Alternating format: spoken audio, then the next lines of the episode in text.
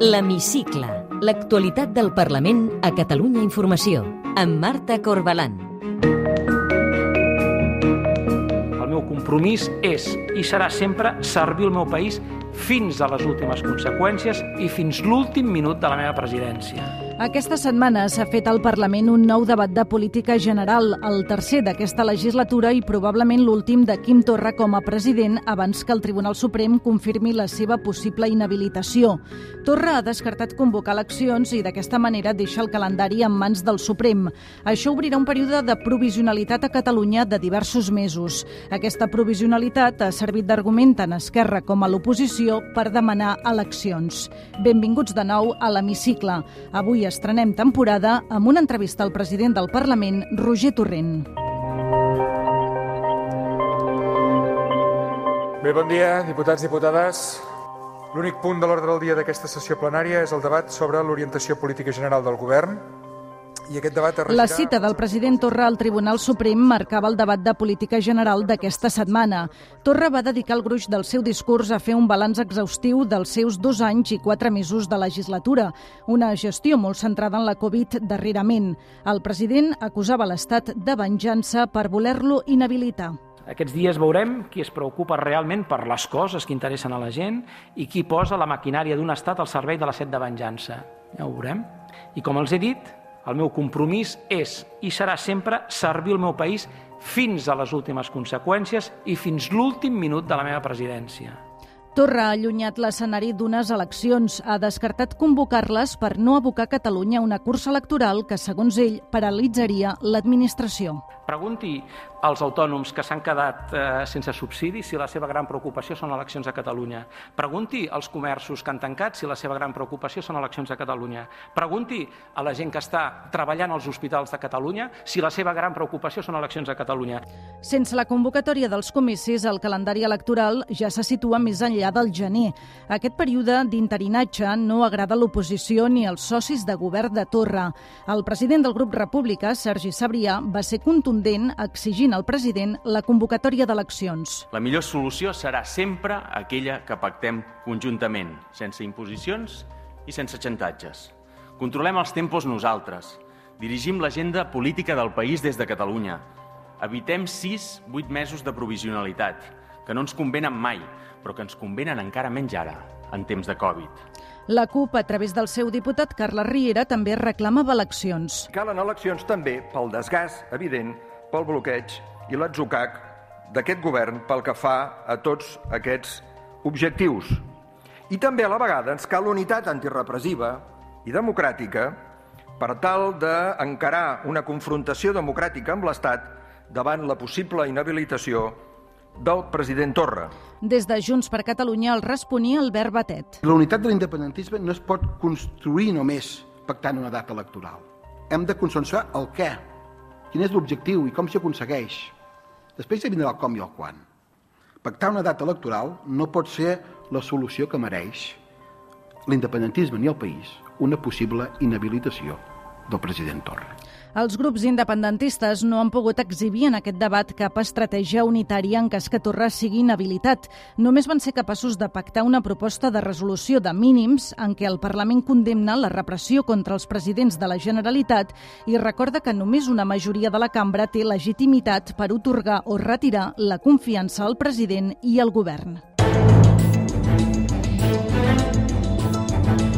L'oposició en bloc vol eleccions. Ciutadans són els únics que no les van demanar explícitament, però Carlos Carrizosa deixava clar que Catalunya no es pot permetre una paràlisi institucional. Nosotros no íbamos a permitir que Cataluña quedase paralizada a voluntad suya, que en su hoja de ruta política entrase la paralización de nuestras instituciones. No lo vamos a permitir. Políticamente haremos lo que tengamos que hacer y jurídicamente también emplearemos las herramientas que tengamos que emplear. El socialista Miquel Iceta veu esgotada la legislatura. President, ningú no està per sobre de la llei. Nosaltres creiem que és millor per Catalunya que sigui el president de la Generalitat qui convoqui les eleccions que no siguin efectes induïts per decisions d'altres institucions el que ho fagin. Jo li demano que acabem aquesta legislatura amb la màxima dignitat possible. La cap de files de Catalunya en Comú Podem, Jessica Albiach, feia la mateixa petició. És el pitjor moment possible per a gesticulacions. Posi a la gent per davant, compleixi la seva paraula i no tinga el país més temps pendent d'un fil. No pot ser que ens trobem amb una crisi brutal, amb dos presidents simbòlics i sense cap president efectiu, president. Així que li demanem, si plau, que convoque eleccions. Gràcies. Des del Partit Popular, Alejandro Fernández també exigia eleccions quan abans millor. No utilice como rehenes a millones de catalanes. Desobedecer a la Junta Electoral fue su decisión personal. Asuma usted su responsabilidad y no conduzca a la miseria a toda Cataluña porque un día decidió complicarse la vida usted solito. Nadie le obligó, ninguna dignidad presidencial.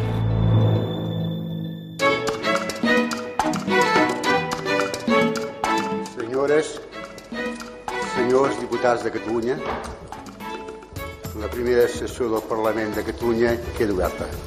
Fa 40 anys, Josep Tarradellas va obrir el primer ple del Parlament restituït després de la dictadura. Amb motiu del 40è aniversari, avui entrevistem a l'hemicicle el president del Parlament, Roger Torrent. Roger Torrent, president del Parlament, gràcies per atendre l'entrevista de l'hemicicle de Catalunya Informació. Gràcies a vosaltres. President Torrent, expliqui'ns on ens trobem ara mateix. Doncs mira, ara som al Saló de Passos Perduts, que se'n diu en l'argot eh, parlamentari, eh, el Saló Rosa, diguéssim, de, de, des d'un punt de vista més, uh, més formal, que és un espai eh, que es diu així, Passos Perduts, perquè fonamentalment el que fan els diputats, no d'ara, sinó d'aquesta etapa democràtica, sinó fins i tot ja a l'època de la República, és passejar amunt i avall, parlar els uns amb els altres i negociar molt. El Parlament està d'aniversari, se celebren els 40 anys de la seva restitució després de la dictadura. Veu el Parlament en el seu pitjor moment, en el sentit que està potser lligat de mans per les decisions judicials? Efectivament, la judicialització de la, de la política ha, ha, arribat sobretot al Parlament de Catalunya, és on ha afectat més probablement. Com hi ha afectat?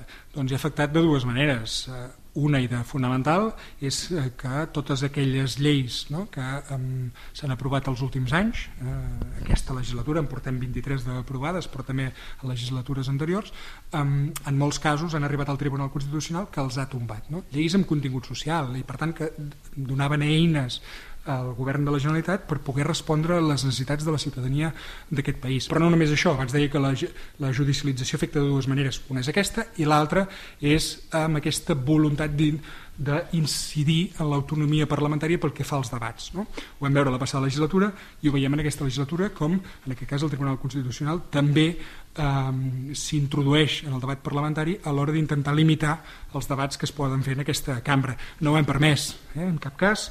Sempre hem permès que les iniciatives parlamentàries es poguessin dur a terme, es pogués debatre i es pogués votar. Hem defensat sempre la llibertat d'expressió, de, de, però en qualsevol cas els tribunals han posat la lupa sobre el que fem a la mesa del Parlament i no només el que fem els polítics, sinó també eh, els funcionaris, els treballadors públics, de tal manera que el que s'està pretenent, i no consentirem mai, és que la mesa del Parlament es converteixi en un òrgan censor. El 10 d'abril del 1980, l'aleshores president de la Generalitat, Josep Tarradellas, va obrir el primer ple de la Cambra Catalana des del restabliment de la democràcia amb un discurs amb una demanda molt clara. Va reclamar unitat nacional per fer avançar Catalunya i per aïllar-la de lluites partidistes. 40 anys després és un discurs que es podria aplicar avui mateix? Jo crec que fins i tot amb més insistència eh, que l'any 80. Eh, l'any 80 la política es feia amb uns condicionants, avui la fem eh, amb uns altres.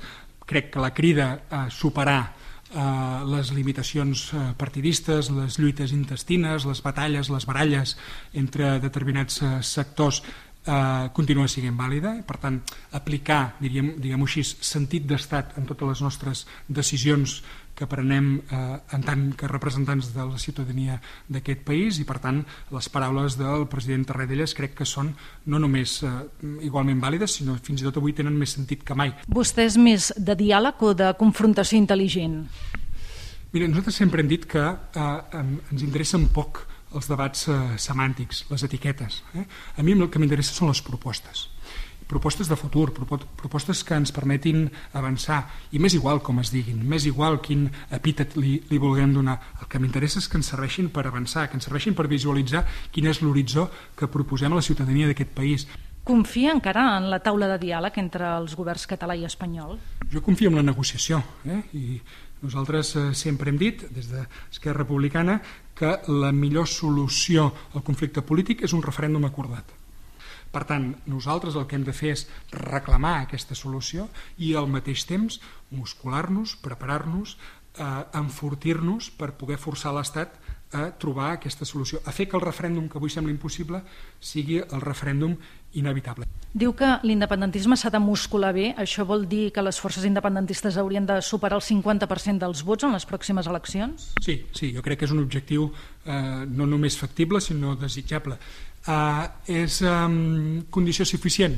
No, no vol dir que l'endemà de ser més del 50% siguem independents però al mateix temps també hem de dir que si no passem del 50% mai serem independents. I en cas que l'independentisme superés el 50% en les pròximes eleccions, aleshores la via unilateral estaria més legitimada en cas que no fos possible el referèndum acordat? Què hem dit sempre nosaltres?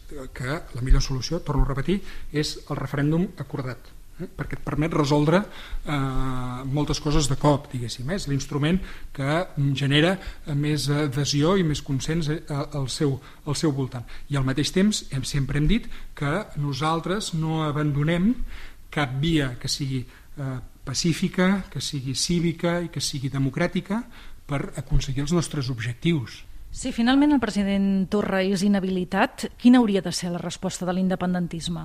Doncs la que decideixi l'independentisme, eh? però que en qualsevol cas sigui acordada per totes les parts. És una injustícia flagrant que es pugui inhabilitar el president de la Generalitat per haver aguantat unes hores una pancarta al Palau de, de la Generalitat, però sabem, d'altra banda, que el Tribunal Suprem, vistos els precedents, no impartirà justícia, sinó que impartirà venjança. Per tant, és una situació que efectivament es pot donar, molt bé donar, la inhabilitació del president Torra, i crec que seria, d'alguna manera, eh, poc, molt poc responsable que no afrontéssim conjuntament i no acordéssim quins passos haurem de fer d'ara fins al final de la legislatura.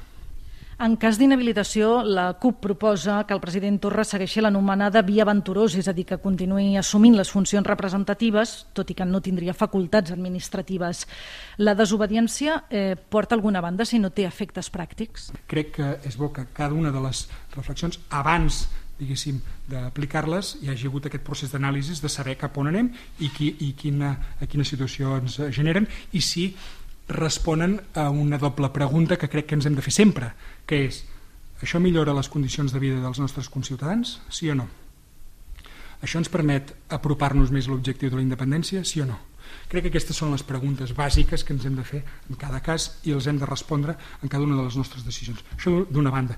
I de l'altra, eh, torno a insistir en la idea, és dir, eh, eh, crec que està molt bé que la CUP faci una proposta en aquest, en aquest sentit, eh, jo crec que és d'agrair que els actors de l'independentisme fagin posin propostes sobre la taula, però en qualsevol cas el que s'ha de fer és consensuar-la entre tots. I, per tant, parlar-ne molt, parlar-ne eh, no a través dels mitjans de comunicació, sinó des d'un punt de vista eh, més prudent i més discret, però que finalment això suposi un escenari d'unió, un escenari de resposta unitària a aquesta situació. El president Torra ha demanat a l'independentisme que no presenti cap candidat a la investidura si ell és inhabilitat. Si no hi ha candidat per rellevar-lo, vostè ho comunicarà al Parlament com un acte equivalent a una investidura fallida per tal que comenci a córrer el rellotge cap a les eleccions? La llei és molt clara en aquest sentit, la nostra pròpia llei de la presidència de la Generalitat i el reglament del Parlament som molt diàfans en, en aquest sentit. Ja s'ha anat explicant els últims dies quin seria l'itinerari eh, i efectivament és el que marca la, la, la llei i el, i, el, i el reglament. Eh, entenc que clar, en plena pandèmia, amb tot el que això comporta, una crisi sanitària, una crisi social, una crisi econòmica, Catalunya no es podria permetre tampoc, o la gent no entendria tenir un bloqueig institucional.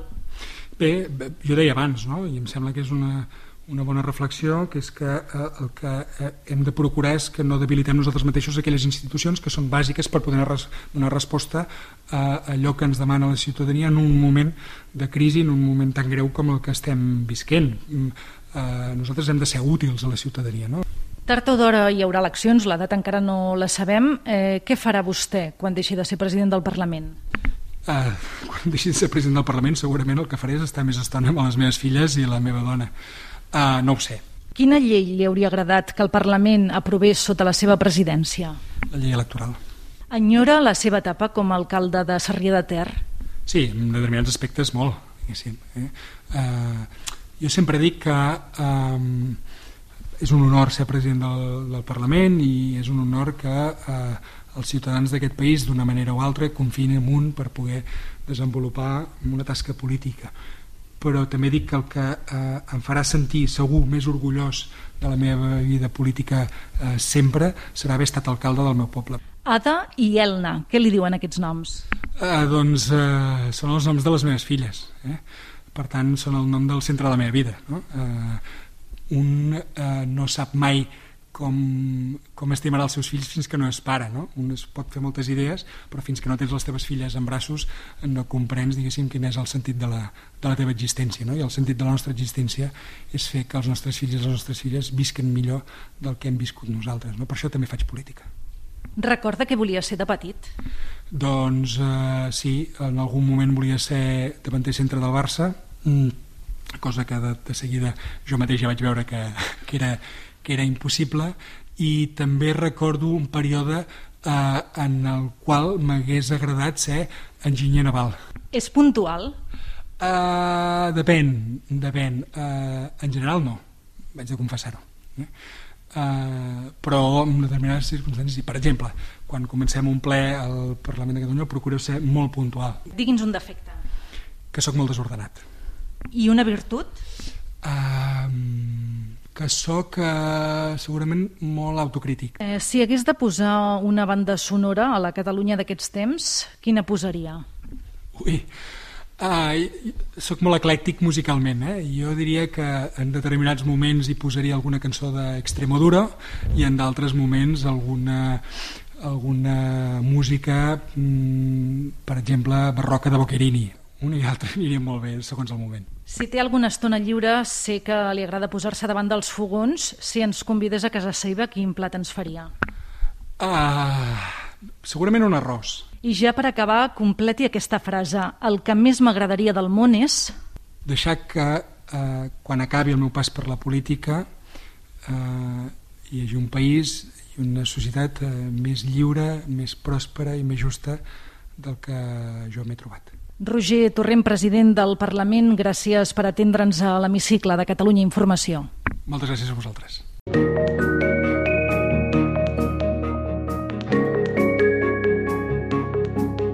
Podeu tornar a escoltar l'hemicicle al web catradio.cat barra hemicicle o al podcast del programa i seguir l'actualitat del Parlament al perfil de Twitter arroba L-hemicicle.